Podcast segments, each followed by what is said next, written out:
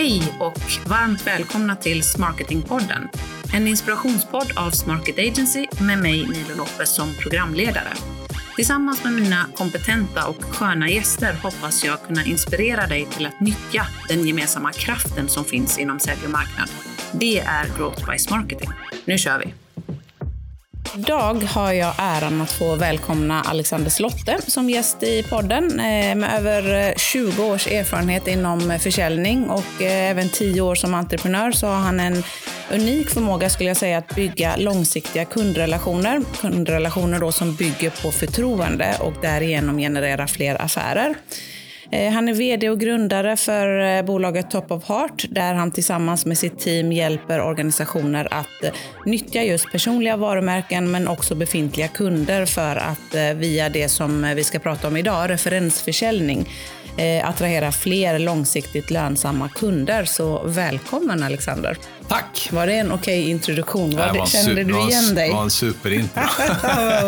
det var en riktigt superintro. Mm. Mer än vad jag hade förväntat mig. Ja, ja, Men så bra. Det är alltid bra att börja på topp så får vi se hur samtalet eh, utvecklar sig. Då. Men jag tänkte så här, innan vi... Vi ska ju prata om referensförsäljning som jag har förstått är din, din grej, liksom din hjärtefråga. Men hur kom du in på det? Vad, vad var drivkraften bakom?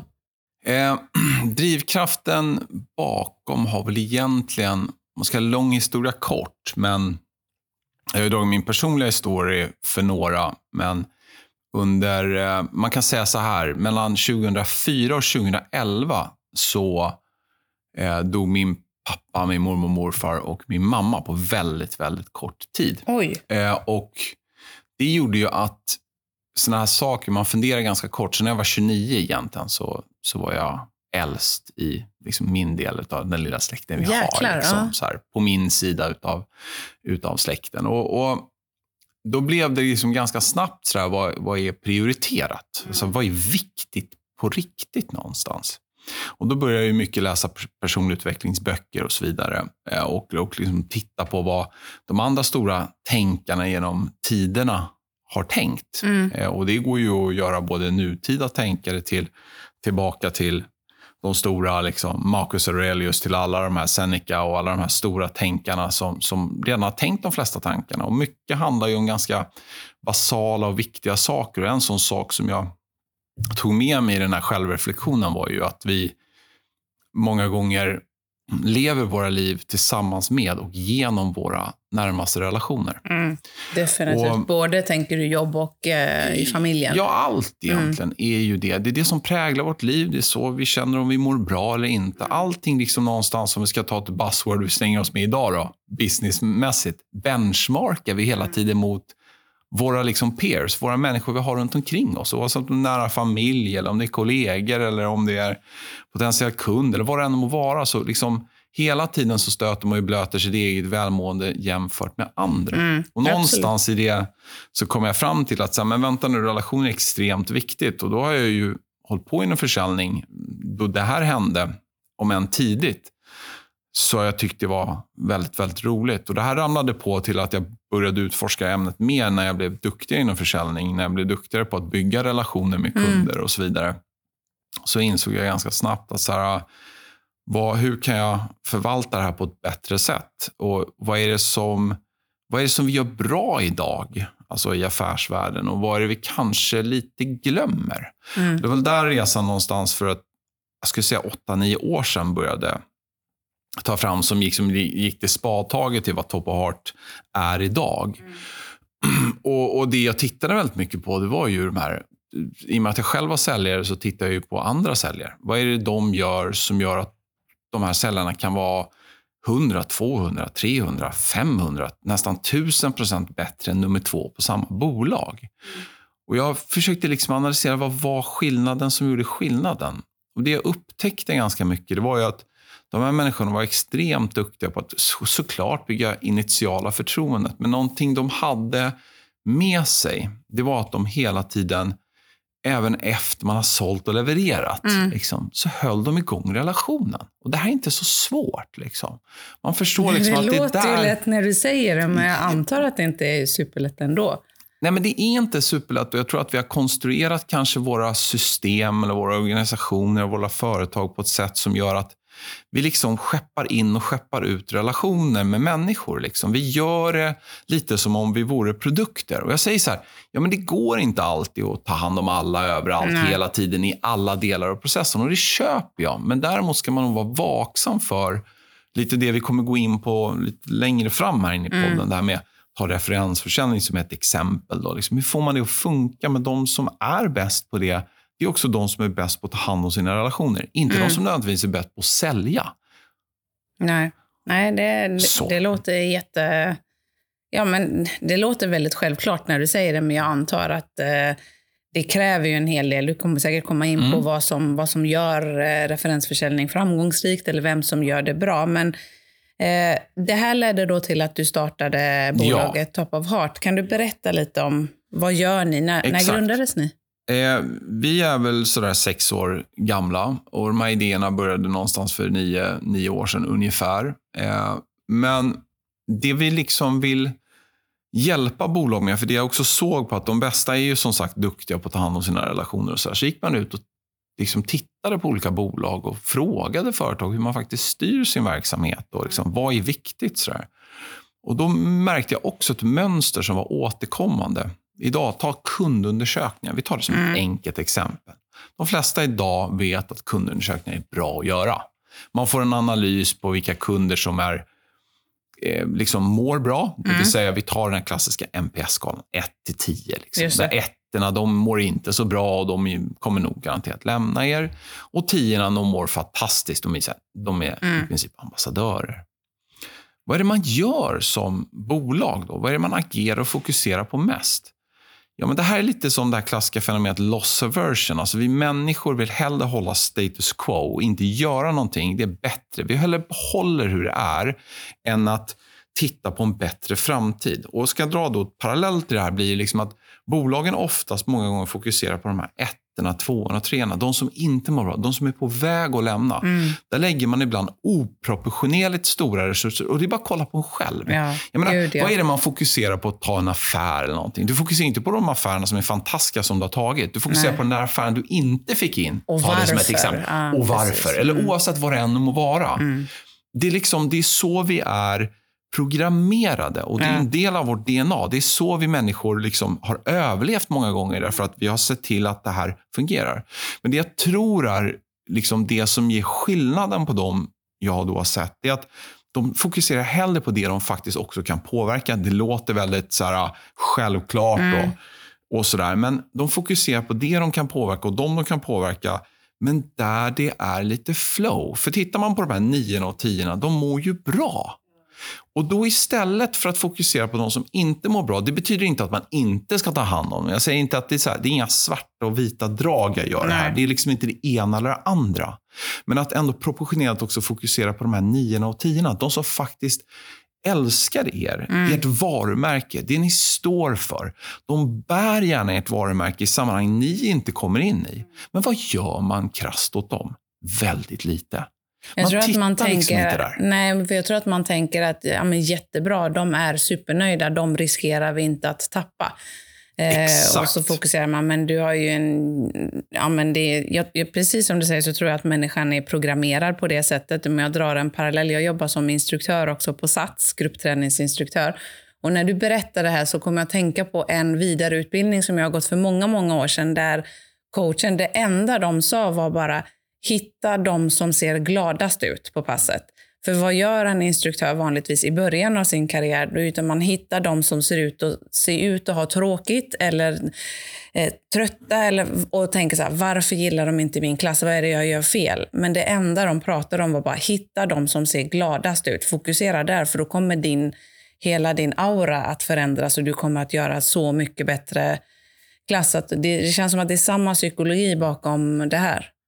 Och Det är samma psykologi som vi människor har, ja. som vi började inleda mm. med. Vi benchmarkar oss själva, hur vi själva mår, vad vi själva gör, genom att hela tiden reflektera vår egen person i andra människor. Som i klassrummet då, där, mm. då tittar man på de som då mår dåligt. Och då reflekterar man ju, varför mår hon dåligt? Och den spiralen går snabbt att komma ner Verkligen. i. Istället för att fokusera på de som mår bra. Och Det är här jag tror att det som vi på Top Heart försöker titta på då, och hjälpa bolag, i och med att vi konsultar bolag egentligen med alla storlekar och egentligen väldigt många branscher. Vi håller oss business to business. Där är väl egentligen vårt, kan man säga, nisch. Eh, därför att det är lite mera komplex typ av försäljning. Och inte för komplexiteten, att det, det låter så lite larvigt och högtravande också, men där förtroende är viktigt. Ja, där precis. förtroende är viktigt och där oftast affärerna hänger på förtroende. Det är där vi fokuserar. Och Det vi hjälper egentligen, om man kan ta kort vad Top of Heart är, vi, vi, levererar ju, vi kallar oss själv för ambassadörsbyrå. Mm. Och där levererar vi tre olika ben. Där I första benet vi, vi bygger ambassadörsprogram. Och Det är egentligen kan man säga referensförsäljning. Men där vi vill få människor av egen fri vilja, de bästa typerna av ambassadörer vi kan få. Det är de som av egen fri vilja vill rekommendera dig. Mm.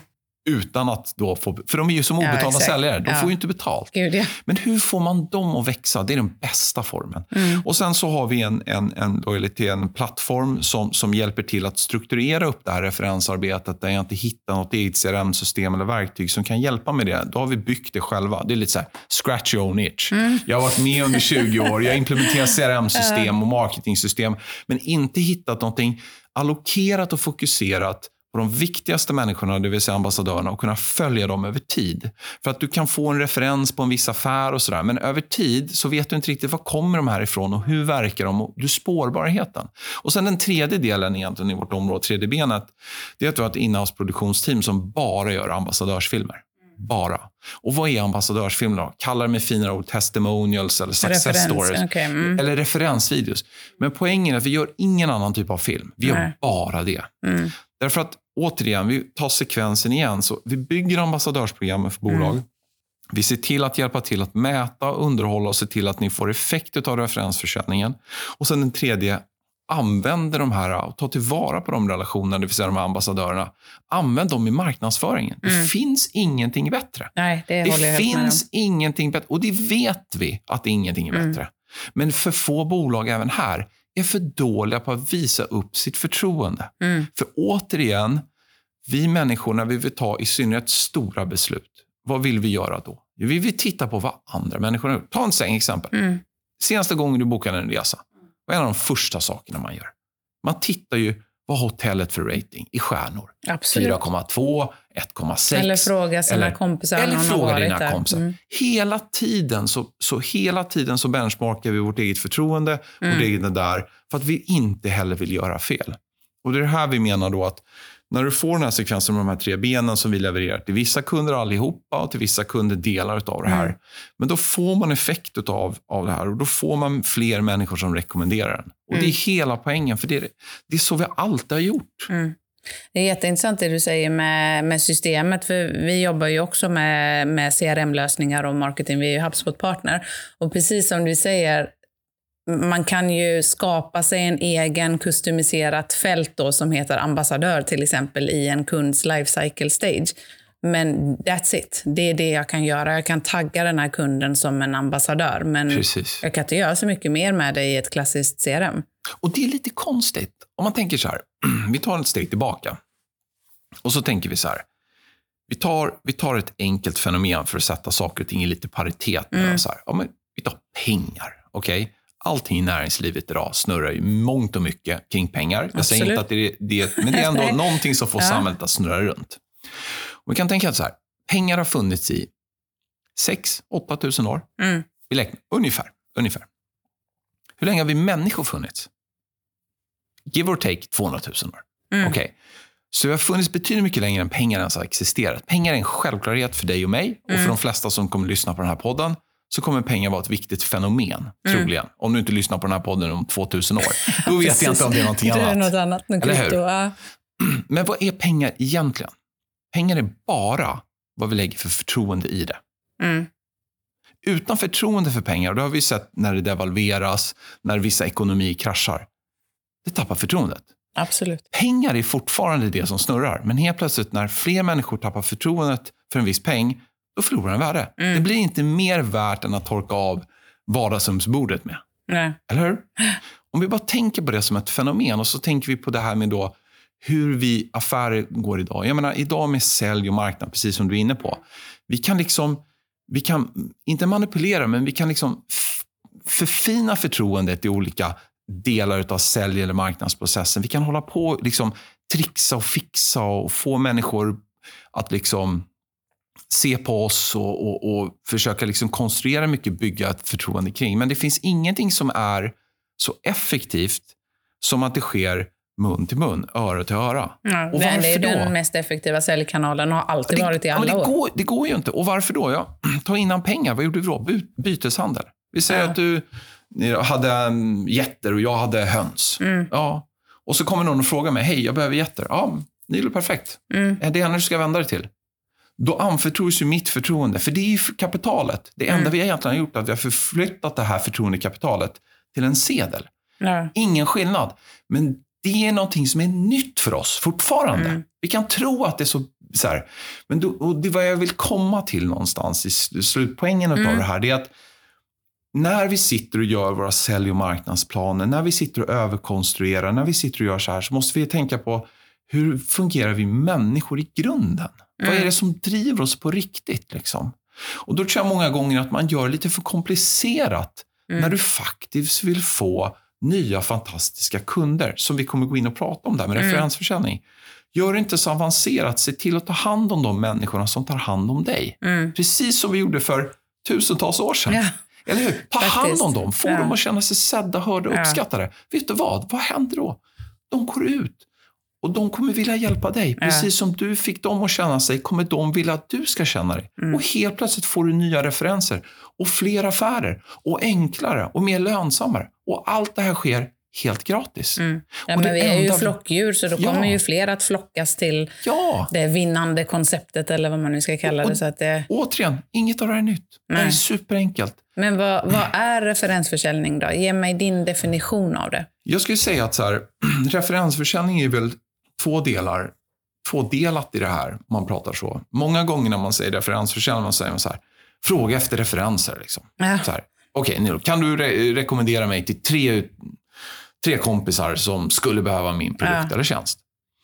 Och det är ju en del av referensförsäljning också. Det vill mm. säga vågan att vara stolt för sin produkt, för sin tjänst, för sin leverans. Mm. Våga fråga. Och våga mm. fråga. Och då kan mm. vi gå in där. Liksom.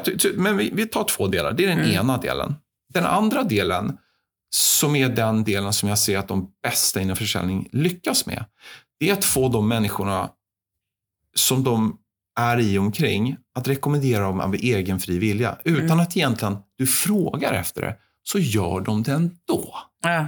Och de, de två kombinerat, kan du som säljare kan du som säljchef, marknadschef eller vd förstå de här två fenomenen och två sättet att bygga organisationen kring och lära ut det här. Mm. Då har du den största kraften i en organisation du har. Och är bara så här, ska vi börja då med att våga fråga? Mm. För det är en ganska bra, bra sätt, precis som du ja. sa, det här med att våga fråga. För tittar vi då liksom globalt, vi zoomar ut igen lite och så tittar vi, fast vi zoomar inte bak i tiden utan vi zoomar bara upp på kartan lite. Mm. Och så tittar vi kanske lite mer över Atlanten, om du tittar i amerikanskt sätt att Jag menar, det, det, är ganska naturligt att fråga efter referenser. Det är liksom del av deras affärskultur. Ja, verkligen. Tittar du här i Europa, eller tittar du här i Norden då, för att inte sprida ut oss för mycket, men tittar du här, här är det lite läskigt. Det är liksom mm. som att jag vet inte, jag gillar inte att prata jantelag och hur vi svenskar är, för att jag tycker att vi är ett mångkulturellt Verkligen, land. Sen ja. har vi vissa delar som så är typiskt svenskt. Och jag tror att här är liksom, vi vågar inte riktigt. Vi vet inte vad vi ska fråga, hur vi ska fråga, när vi ska fråga. Timingen, det är mycket såna här saker. Och sen så tror jag den här inneboende känslan av att jag vill inte, jag vill inte vara till besvär, jag vill inte kräva någonting mer. Nej. Och alla de här motstånden som vi har är ju egentligen bara falska. Det är bara någonting vi har byggt upp ja. för oss själva. För att skydda oss själva, återigen, vad kommer vi tillbaka till? För att vi någonstans i grunden vill inte bli liksom undanskuffade eller vi vill inte känna oss tillintetgjorda. Och risken finns ju när du ställer en fråga. Om jag skulle ställa dig en fråga och säga, mm. skulle du kunna rekommendera mig? Då skulle du faktiskt kunna säga, nej jag vill inte. Äh. Eller, jag har ingen att rekommendera dig till. Nej. Och redan där så börjar vi hämma oss själva. Och vad, vad ligger det i grunden till? Det ligger i grunden till precis som barn. Liksom. Mm. Jag har två barn hemma, nu är de lite större. Nu är de 11 och 13. Mm. Men när de var små, när man säger till ett barn, du får vara där ute. Vad är det första barnet säger? När man exkluderar ett barn i gruppen, vad är det första de gör? De börjar skrika. De måste tillbaka i gruppen. Ja. Och då kan man tänka så här, varför gör de det? Jo, det är överlevnad. Mm. Utanför gruppen lika med död, innanför gruppen lika med säkerhet. precis. ja, men det är det här det Ja, handlar det är om. väldigt basic psykologi. Och liksom. samma psykologi har Mm. vi när vi är vuxna. Vi tror att vi är så mycket smartare, att vi kan så mycket mer. Nej, det är fortfarande även där. Och hur kommer man över det? Det måste tränas. Ja. Det måste tränas. Det är som en muskel. Liksom. Mm. Och, det, och där tror jag att så här, det är en av motstånden liksom, som, Mm. som liksom finns där. Och det finns ingen genväg runt. Och det är ingenting, det är inget, jag tror att man intellektualiserar väldigt mycket kring referensprogram och säger så här, det är bara att fråga. Ja, Det är Mm. bara att göra. Ja, för en på tusen är det det. Mm. Liksom.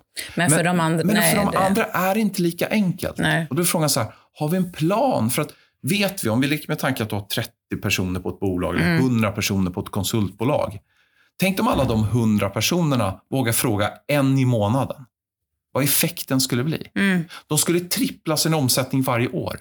Genom inga marknadsaktiviteter, inga säljaktiviteter, inga event, ingenting. Nada, nada. Lägg Nej. noll kronor på noll saker. Och så bara utbilda dem i en enda fråga.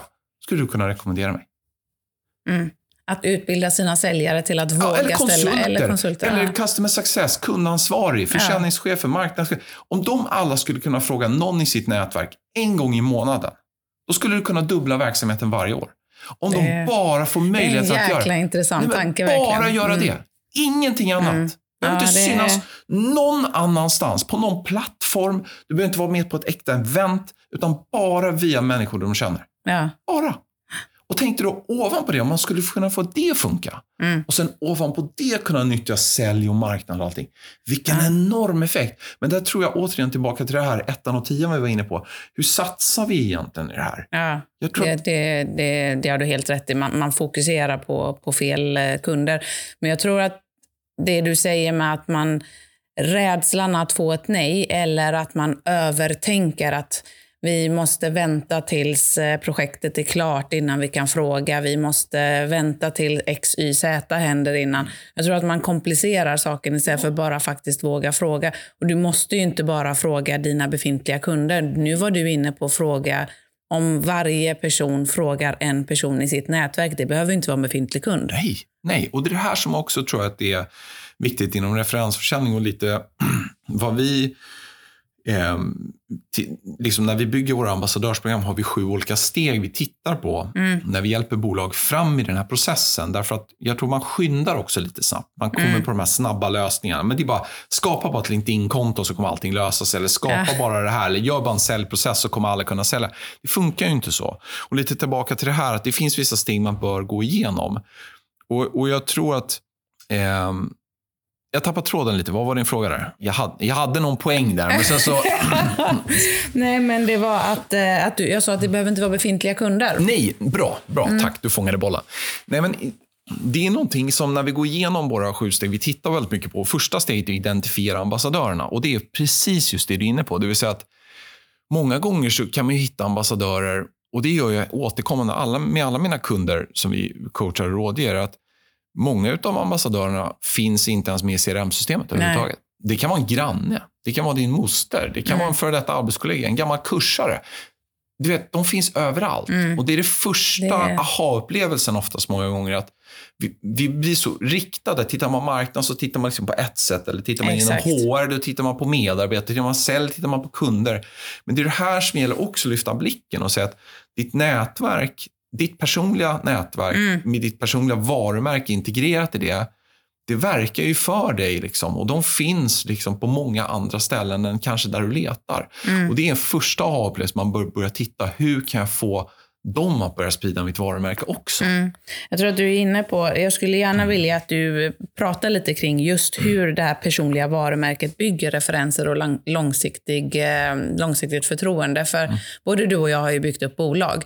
Och precis som du säger, hur gör man det? Det är ju inte så att jag när, när jag startade det här bolaget, i alla fall tillsammans med tre medgrundare, det är inte så att vi började med att sätta en säljprocess, en marknadsprocess, eh, skaffade sig... Alltså vi gjorde ju inte den resan. Det man gör är ju börja gräva i sitt nätverk. Därav att de första kunderna är ett, i ett visst segment för Mm. att vi hade den bakgrunden. Jag antar att det är så du har börjat jobba också. Så precis som du säger, ambassadörerna behöver ju inte vara, för vi hade ju inga befintliga kunder. Nej. Så hur Exakt. fick man de första via sitt nätverk? Nej, men jag tror du är helt rätt inne på det. Alltså, tänk, övertänk inte. Bara, vilka människor har jag träffat? Vilka kurser har jag? Vilka gamla kollegor har jag? Mm. Helt plötsligt så finns det hur mycket möjligheter som helst. Mm. Och, och, och liksom bara, tänk om man bara tänkte där och, och sen kanske inte hoppa på nästa tåg i nästa coola grej du kan göra i en försäljning eller marknad.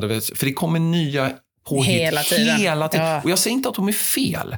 Jag säger inte att, återigen, det finns nya plattformar, nya sätt att göra saker och ting. Och Det är klart att man ska utforska. Jag tror bara att man får inte glömma ändå. Det är det här jag tycker att det är lite som du är inne på. Det här är också en sånt fenomen jag såg som jag tror att många, framförallt mogna bolag, bör ta lärdom på. Eller egentligen backa tillbaka, skruva tillbaka Mm. mindsetet på. För när du är ny och liksom inte har några kunder. Den här första kunden du får in, Mm. Den blir liksom ditt allt. Ja. Allt. Ja. Så här. Den, den blir precis allt. Allt de säger, allt de gör, Mm. allt de vill. Man ställer upp på allt. Och det är inte alltid rätt, därför att du måste hitta din väg framåt. Men mindsetet finns att gå above and beyond. Göra det här Ja. över förväntan. Verkligen. Och vad jag tror man glömmer när man blir lite mognare, och det går ganska fort. Jag menar, nu börjar vi komma upp i lite Mm, storlek, mm. även om vi är små bolag, både du och jag, än så Mm. länge, så att säga, rätt sett i storlek. Men redan här kanske man, eller när man blir något större, 50, 60, 100 man, helt plötsligt börjar man slarva. Och varför man gör det? Det är därför att man måste någonstans fördela ut ansvar, man måste Ja. fördela ut sådana här saker. Men det betyder inte att ditt mindset behöver förändras. Och vad menar jag med det? Man brukar prata om growth mindset och liksom entrepreneurial mindset och så här. Men vad är det egentligen? Det är inte svårt. Det Nej. är bara, när du får in en ny kund, se till att leverera över förväntan. Håll vad du lovar, se till att leverera över förväntan. Och sen se, vad kan jag göra det här lilla extra för kunden? Och sen se nästa steg. Vad är det här för nätverk vi har kommit in i? Ja, den För är är så här, personen som du har framför dig som har köpt, det är den lilla affären. Mm. Och det är det här som alla stora säljare fattar. Det är den lilla affären. Hur stor den än må vara, så är det den lilla affären. Mm. Den stora affären, det kommer upp när de öppnar sitt nätverk. Där Ja. kommer sälj 2.0. Mm. Och de som fattar det här, det är de som är absolut bäst. Mm. Det är de som har absolut störst varumärke, personligt, på tal om personligt varumärke. Ja. Det är de som växer allra störst. Och det spelar ingen roll vilken bransch, vilken kontext, i vilken produkt eller tjänst de än säljer, så kommer de sälja mest. Mm. Och, och, och Jag har ju sett det också med egna ögon. Folk som går från en helt annan bransch in i en ny och blir liksom nummer ett samma år. Och då pratar du om att då jobbar de med sitt eget personliga varumärke. I Och sitt vilket- nätverk och i sitt- via sitt nätverk. Mm. För det är precis som i början av den här eh, liksom, ja, konversationen och pratet kring, så var det liksom att, att, att vi lever genom och via sina människor. Och det är Mm. samma sak även här. Det är det de bästa fattar. Mm. Det är genom de här nätverken vi bygger upp som affärerna kommer. Mm. Och de fattar det. Men de gör också saker och ting där inne. Och nu kommer vi liksom till det här görandet. Vad ska Ja. jag göra om jag vill göra det här? Precis. Och det är ju det här som liksom... Vi har ju inte suttit... Jag pratar om de här sju stegen vi pratar om. Vi har ju inte suttit i en grotta och klurat ut det här, utan vi har bara observerat, vi har läst studier och forskning, intervjuat och studerat det här och sen också praktiserat vad det är som funkar och inte funkar. Och man kan säga de här sju stegen lite kort. Mm. Så är det liksom att steg ett är att just identifiera, vilka är mina ambassadörer idag? Eller våra, om man tittar på ett bolag. Vilka är de idag? Eh, och enkelt övning för det, som ni kan få med direkt, det är egentligen att börja titta på de senaste, ta året innan, de senaste 12 månaderna. Vilka affärer har vi gjort de senaste 12 månaderna? Säg att det är 20 affärer eller 50 affärer. Då är nästa fråga. Vilka människor direkt eller indirekt var involverade i den här affären? Mm. Vilka killgissar vi? Och vilka vet vi? Ja. För här kommer nästa grej. Man killgissar väldigt mycket. Jo, Kring vad? Kring vilka som var involverade? Ja, och då tänker man, jo men person X köpte ju Ja. och person Y presenterar jag för. Ja, men är det hela sanningen? Mm. Finns det människor bakom där som Mm. också varit med? Ja, och i synnerhet desto större affärer du har, desto Mm. desto högre marginal du har. Självklart. Ja. Och det är bara frågan, vänta nu. Finns det någon där som har pratat i min favör? Då är det nog klokt att börja ta reda på, vem är den personen? Mm. För den personen kan ju göra det igen och igen och igen. Och Och det är det återigen tillbaka till 2.0-säljaren. Mm. Det är den personen fattar. Vänta nu. Här har vi en ambassadör som har verkat i, liksom, i bakgrunden. Den måste jag ta reda på. Mm. Och vad gör man det? Genom frågor. Vad kul har vi gjort den här affären? Vad kul har vi gjort det här? Mm. Jag måste bara fråga. Vilka är med i inköpskommitté? Här, vilka har varit med och påverkat? Vilka har ni suttit med i interna möten? Våga ställa de här frågorna och helt plötsligt kommer du börja få namn. Och helt plötsligt börjar du känna igen namn. Och det är nu mönstret börjar uppstå. Och det är nu du själv börjar kunna dra Mm, trådar och säga, vänta, nu börjar den här personen återkommer ju igen och igen. Var femte, var åttonde affär Ja. jag gör finns den här personen i bakgrunden. Ah, Du har nu. identifierat en, en av de Ja. referens, eller de ambassadörerna. Exakt. Mm. Steg två, för att inte gå för ingående, det är ju att definiera upp ambassadören. Och varför är det viktigt? Ja, för dig själv kan det ju verka lite larvigt om du sitter i din egen låda. Då har du det i huvudet. Mm. Men så fort du börjar bli två eller fler, då är det så här, precis som att man kategoriserar en A, B och C-kund eller Absolut. vad det, vad det Ja. var. Strategier måste skiljas åt. Då måste man ha en definition vad den här strategin innebär, vad vi ska Ja. göra.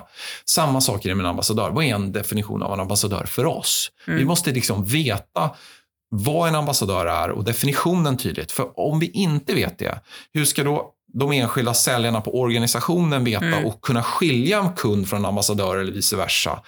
Eh, eller likaså på ta kundtjänst, customer success, eller de ska Mm. ta hand om kunderna, leveransavdelningen. Hur ska de kunna skilja här? Verkligen. Och det här liksom gör ju många se. organisationer med leads. Eh, Där Ja. definierar man ju vad, vad som är ett kvalitativt lead. Mm. Eh, Men det du är inne på är att det är egentligen minst lika viktigt, om inte ännu viktigare, att faktiskt definiera upp vad är en ambassadör. För att målet är ju inte att tjofsa in kunder som sen rullar ut, utan det är att behålla dem och växa på det är ju snabbast väg till cash att växa på befintliga kunder och med befintliga kunder och via befintliga kunder. Och jag skulle säga det, det precis det sista. Det är det Mm. Via. tror jag också. Mm. Via. Mm. Här har du nyckeln. Mm. För tittar du på alla varumärken, Spotify, app, det spelar ingen roll vilken man tittar på. Mm. Det är word of mouth. Mm. Det är någon som säger så här, du Absolut. den här appen är ganska smidig för att kolla på musik. Åh fan. Prata med två till polare, prata med två till polare. Det är Mm. exponentiell tillväxt. Alltså det här fenomenet, och då kan många som tänker sig så här, som sitter och lyssnar, bara, men jag har inte en sån typ av affär, så det går inte att jämföra. Nej, det gör det inte. Men observera fenomenet. Mm. För det fenomenet har alla i alla Absolut. affärer. Ja, gud Det är ja. bara frågan är, tar vi vara på det Mm. eller inte? Det är frågan man ska ställa sig själv. Och gör vi det fullt ut? Mm. Vad, är tredje, vad är det tredje, Tredje steget? ja. Och så identifiera och sen definiera. Ja, Mm. definiera det tydligt så att vi vet vad vi ska springa på. Det är selektiv perception. Det som vi fokuserar på, det är viktigt. Mm. Vet vi inte att det är viktigt kommer vi inte fokusera Nej. på det. Så de två är första grundstegen att göra. Steg tre handlar om selektera. Välj ut dem. De måste Mm. också vara tydliga och visuella. Och de här som sagt skulle kunna finnas i ett CRM-system, men de kan lika gärna finnas i någons telefonbok eller, eller på en post-it-lapp eller, eller bak i huvudet på folk. Ja. Ner på dem på en lista, gör det enkelt. In Mm. i Excel-dokumentet. Upp med hela teamets ambassadörer, få upp dem på en Excel-lista. Och börja där kan man börja prioritera hur viktiga de här är. Resonera kring de här. Hur viktiga är de? Vad är din känsla kring dem? Vad är det de har gjort för dig? Och helt plötsligt börjar de här storiesarna, som Mm. vi vet är viktiga för att vidareförmedla förtroende, komma upp. De här storiesarna om de här människorna och helt plötsligt kommer de här upp på agendan. Och jag har ju, jag har ju sett det också att eh, liksom just det här fenomenet att det finns ambassadörer som verkar för som inte ens bolaget känner till är viktiga. Men nu helt plötsligt blir de viktiga Mm. därför att de bidrar med affärer. Mm. De är till och med, skulle jag säga, viktigare än era A-kunder. Mm. Och varför då? Och det har jag också sett när man gör den här klassiska, så börjar man när man har fått den här listan klar och så börjar man selektera var de befinner sig så kommer man upptäcka att några av de här ambassadörerna faktiskt är en A, eller en B eller en C-kund. Mm. Men många gånger upptäcker man att den här C-kunden, som vi egentligen inte lägger så mycket energi och kraft på, den egentligen är viktigare än vår viktigaste A-kund. Mm. På grund av På nätverket. grund av att den personen refererar oss kanske fem, tio Mm. nya kunder varje år. Då är den viktigare prioriterat än en A-kund. Omsättningen Så- blir ju inte markerad på just den C-kunden, Nej. men man tänker inte Och det på är det här som helheten. är Mm. problemet, att Mm. vi tittar för snävt. Ja. Och det är den där snäva tittningen som Mm. gör att vi inte riktigt ser den klara bilden. Men när vi börjar ta en distans tillbaka och börjar se och vi förstår att det är människorna här som gör det Mm. och det fattar konceptet. Men när vi börjar bryta ner det här, då börjar vi se med klara ögon att vår prioritering är många gånger ganska sned. Mm. Och när vi börjar prioritera om det här, då kommer också hävstången. Ja, men precis. Så det, det är jag helt med på. Att selektera och prioritera då. Ja. Fjärde steget. Mäta. Du Mm. måste följa upp det här. Och det är någonting som också slarvas med. Mm. Och det är någonting Mäta som gör... vad? Mäta... Ja, referenser och rekommendationer. Det vill Mm. säga, så fort vi har fått en ny som en affär, ställa frågan på ett måndagsmöte. Vad kul, vilka har vi nosat upp? Vilka affärer har vi nosat upp under Mm. förra veckan? Var kom de ifrån? Vad är källan? Vem är källan? Vem är källan? Det Vad är källan? Det tror jag inte många gör. Nej. Utan man applåderar den nya affären. Man bara, Superbra. halleluja, där. Ja. Och sen glömmer man den här personen. Mm. Sjukt intressant verkligen. Vem är källan? Det är Vem är jättebra. källan? Mm. Vem är? För det är oftast ett vem. Det är Mm. sällan ett vad. Det är oftast ett vem, men Mm. man orkar inte leta. Så vad skriver man då? Den kom in via hemsidan. Ja, Ja, så, gjorde man en, så gjorde man en Mm. affär på 400 000 och, och, och den affären gick på fyra dagar. Så tänker man, den var enkel. Och så tänker man inte mer. Nej. Man bara, vänta nu. Någon har förmodligen refererat dem till hemsidan. Eller, ja. Är det smart Mm. då bara, vänta nu kära kund. Mm. Hold your horses. Där. Nu har vi skrivit på, nu har vi levererat. Så här, Hold your horses. Nu måste jag veta. Vem är det liksom som har verkat i bakgrunden här? Vi Mm. måste få veta det. Vi är jättenyfikna av oss och för oss är det viktigt att ta hand om den personen. Då får du oftast det svaret du vill ha, det vill säga personen. Och nu kommer nästa grej liksom på det där att mäta det internt. Så vi mäter referenserna som kommer in. Varför Mm. då? Inte mäta för mätandets skull, men det vi vill göra det är att när vi mäter och när vi får in de här referenserna, skriv namnet på personen som har refererat. Det är därför då kommer vi börja upptäcka mönster. Personerna återkommer Mm. på din lista. Och när de återkommer, då kommer nästa del utav, utav den här Mm. liksom sjustegsraketen och det är ju att plansätta. Vi måste planera vad är det vi ska göra för de här människorna. Mm. Vi måste liksom inse att de här är ju obetalda säljare, varumärkesbärare, PR-maskiner. Verkligen. Deluxe, de bästa varumärkesbärarna, säljarna och PR-maskinerna. Och de har en sak gemensamt. De är helt obetalda. Ja. Och då måste du ha en plan. Och vad är det?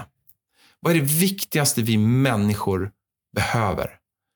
Innan Maslows behovstrappa. Är det Där att vi bli har sedda mat. eller? Ja. Mm. Innan mat, vatten, trygghet, hela Mm. vägen upp till självförverkligande, så har vi en sak Mm. och det är att bli sedda. Bli sedda. Mm. Det är så jävla enkelt. Mm. Men vi slarvar så otroligt mycket med en sån här sak. Mm. Och det handlar om det här tacket vi Mm. skickar. Det kan vara en chokladask, det kan vara någonting, det kan vara en blomma för det här. Det kan vara någonting som gör att vi uppmärksammar och får den här personen att känna sig sedd. Mm. Och vad är det det genererar den personen? Det är serotonin, dopamin och en twist är lite oxytocin. Mm. Och det här är välmåendehormonet vi vill sprida vidare oss. Och vad gör det? Du kommer vara top of mind hos den personen. Och Mm. vad gör den då? Den vill göra det igen. Ja, och så ja, gör det visst, du för igen och du ju vill få göra det samma, mer. samma kick igen. Ja, men det är ju så, för det är så vi är, det är exakt det här. Och nu tar vi back to basic igen. Mm. Det är så här vi människor har överlevt. Därför att jag bryr mig om dig, jag verkar för Mm. dig. Men då ser du också att jag har verkat för dig. Och då vill jag göra det igen. Det Ja. är så här vi människor har hjälpt varandra till där vi är idag. Ja, ja, exakt. Det är ju så barn, barn och föräldrarelationen eh, fungerar Ja, också. Så att Och det, vi funkar inte annorlunda i affärer. Nej. Vi funkar inte annorlunda. Och det här jag tror att det, det gäller back to basic här. Gör det inte så svårt. nej. Förstå vad det här är så. Och kör den. Så att, Vad är de två sista stegen då? ja, de två sista stegen kallar vi för, för det första är liksom lite spelet eller att sätta en liten grej kring det. här. Säg som i, i sälj eller marknad så har man oftast vissa kopior. Liksom. Mm. Du ska göra vissa saker för att uppnå vissa saker för att det ska ramla ner på sista raden i Mm. slutändan av året och det ska vara fantastiskt och alla ska jubla. Det är viktigt också att göra det kring referensförsäljning om du får det att fungera. Det måste vara kul att göra det här. Mm. Det måste vara roligt att göra det och du måste kunna se så att du får en tro också om att du vill göra det. Du måste Mm. ha tro på att känna så här, att jag vill jobba med referensförsäljning för jag tror att det är viktigt. Jag tror att det, är, det fungerar. Och så börjar du göra det, du agerar. Då någonstans får du ett resultat.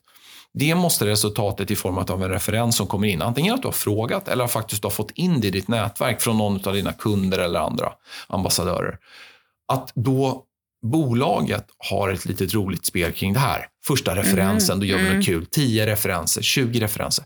För att få in beteendet igen. Vi måste liksom komma igång med det här beteendet som vi inte har idag. Det vill säga, det är inte kul. Men när det blir roligt, Ja. då blir det... Då blir, det är Gud, som att springa. Ta springa och Ja, ja. Liksom, springa är inte alltid roligt, men sätter du bara en boll framför så är det lite roligare. Eller paddel som alla kör galenskap idag. Liksom. Hade man bara sprungit runt där utan en boll och utan ett rack, hade det inte varit lika roligt. Nej. Så att det gäller att addera det där spelet så att det blir roligt. För då får du också en effekt i organisationen. Och då vill man jobba. Och jag vill bara tillägga det där spelet. Det handlar inte bara om sälj. Nej. Det här är viktigt också. Vi har pratat om det här, få ihop sälj och marknad, de ska jobba ihop och bla bla bla. bla. Man, man överkomplicerar det där. Det är samma sak som ner till det här. Se till att få med alla på tåget. Mm. Det spelar ingen roll om du jobbar på sälj, på marknad, på leverans där. Alla har kontakt med Alla människor. har nätverk och kontakt. Ja, alla absolut. har det. Ja. Det vill säga, alla kan vara med och spela. Mm. Och då är det viktigt att konstruera spelet så att alla kan vara med och Ja, ha kul. precis. Mm. Så att det inte bara säljguru nummer ett som redan gör det här 200% som alltid kommer Mm. vinna. Utan konstruera spelet så att alla kan vara med och alla kan vinna. Mm. Ja, det är riktigt, riktigt bra steg faktiskt och väldigt konkret tycker jag. Eh, om jag skulle bara, i början hade jag tänkt att fråga dig, men vi kommer ju in på det här hela tiden kring vilka fördelar som finns med referensförsäljning, men det känns som att du har ju dragit dem. Om jag skulle summera det så är det att du kan sälja väldigt mycket mer med egentligen färre resurser. Ja, ja. Och mer lönsamma affärer, Ja. mer långsiktiga affärer, Nej, men, nej, men så, roligare ah, affärer. det, det finns ingenting som är bättre. Nej. Det, det, ja, men, och, och, och, jag säger inte att i alla kontexter, i alla scenarion, alla projekt för all typ av försäljning, för alla typer av produkter, så säger jag inte att det finns bättre. Det Nej. är klart att det gör det. Ja. Men om vi tittar bara fenomenet här Ja. och skruvar fenomenet utifrån vår verksamhet, så tror jag att det är få saker Mm. som är bättre. Det betyder inte att man inte ska göra andra saker också, Nej. men man får inte glömma fundamenten. Nej. Det är det vi glömmer. Vi skyndar så snabbt till andra saker än att gå tillbaka till fundamenten. Mm. Vi människor är inte så komplicerade.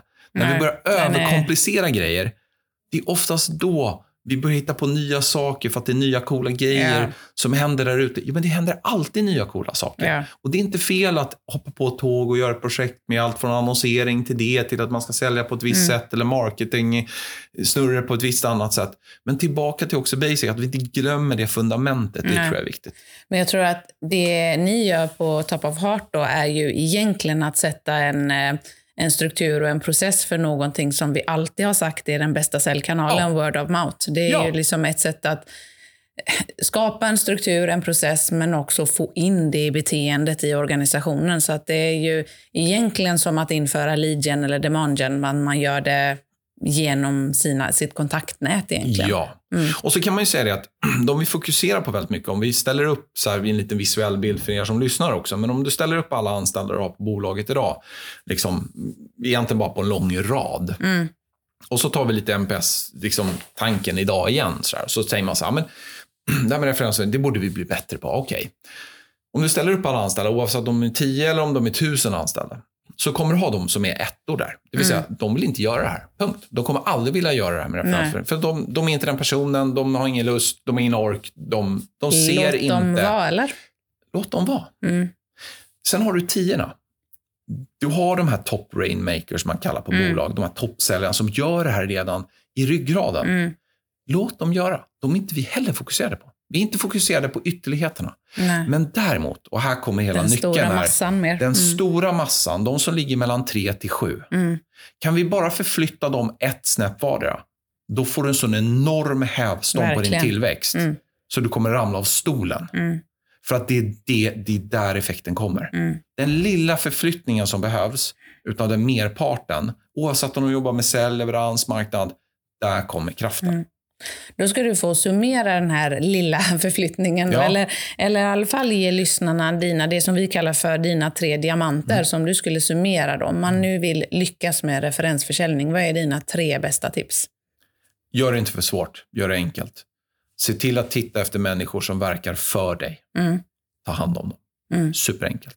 Våga fråga tar jag med mig också från Ja. det du sa i början. Att det, Och, och, och grejen är att bakom våga bara, mm, så krävs det också mod. Och var kommer mod ifrån?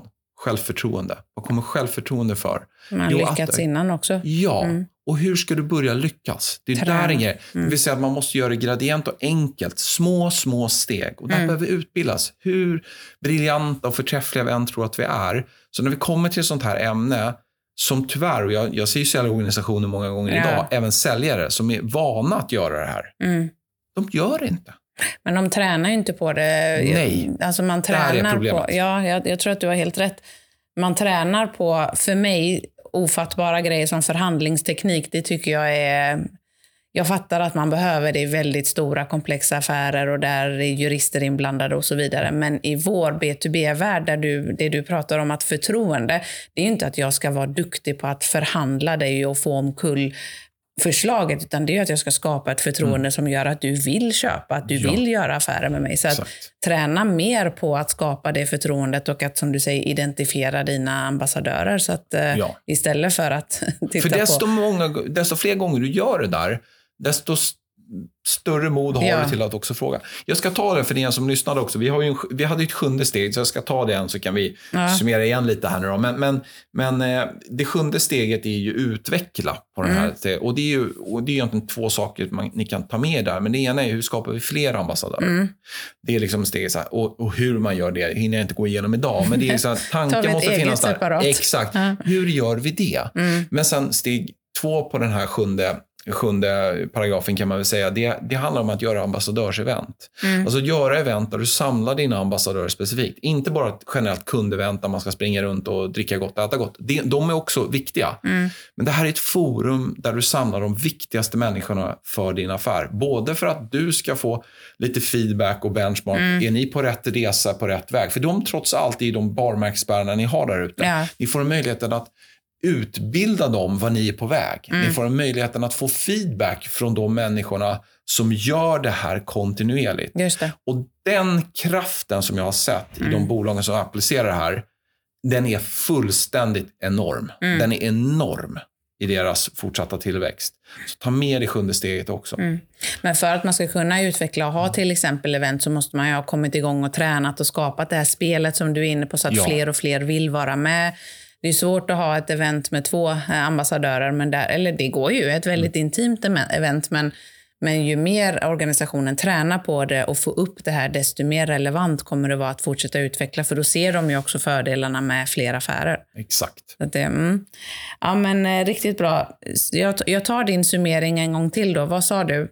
Jag vet inte vad jag sa, men jag kan säga men den du igen. kan säga, Jag- jag- nej, du men kanske jag- kommer på nya grejer Ja, som gör det här det- det är dina diamanter. Jag tar det the fly. inte gör det så svårt. Nej, jag, jag tycker det, det första är så här, gör det inte så svårt och sen så tänk mycket back to basic. Alltså, gör det inte så svårt, tänk mycket back to basic. Hur funkar vi människor? Mm.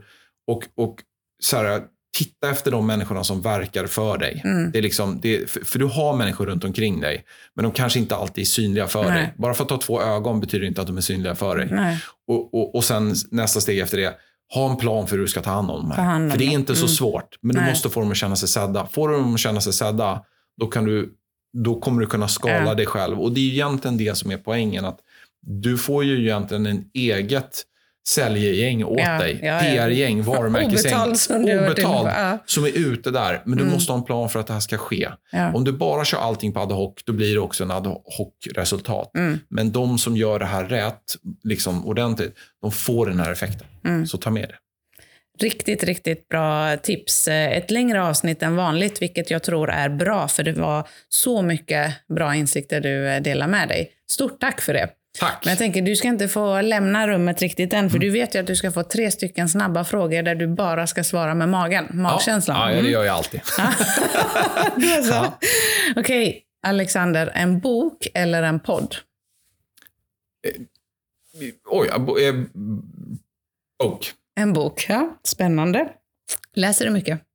Ja, eh, läst mycket. Eh, sen har jag växlat över till podcast. Nu börjar jag läsa igen. Från Mm. Väldigt blandat. Mycket personutvecklingsböcker, säljböcker, mycket sånt. Men nu är jag inne på skönlitterära spår. Mhm, Lite Spännande. deckare och sånt. Ja, Härligt. Okej, nästa då. Hemmakväll eller utekväll? hemmakväll. Hem, ja, jag med. Även trots efter pandemi och två års hemma. Mm. Ja, jag håller med. Okej. Eh, kör du helst en öl eller en drink på AWn? För, förut var det faktiskt öl om jag ska vara helt ärlig nu. Mm. Eh, men nu tar jag nog faktiskt en drink. Jag är nog mer inne på en drink nu. Om jag skulle vara på Vad föredrar du för drink då? N- Någonting, återigen, back to basic. Mm. Enkelt, enkla drinkar. Det kan vara en enkel whisky eller någonting som är blandat med, med max två ingredienser. Ja. Ja. Spännande. Ja. Ja. jag är helt inne på, för min sambo är gin-nörd, så att jag är inne Mm. på, ja men återigen en klassisk bra GT med bra gin är ju Eller fantastisk. Funkar bra. Ja, eller? Stort tack för att du var med i podden idag. Och tack till dig som lyssnade. Vill du ha mer inspiration kring eh, försäljning och marknadsföring, in och följ Smarketingpodden. Och skicka gärna tips på gäster eller ämnen till hej smarketagency.se eller via LinkedIn, Facebook och Instagram. Ha det gott, hej!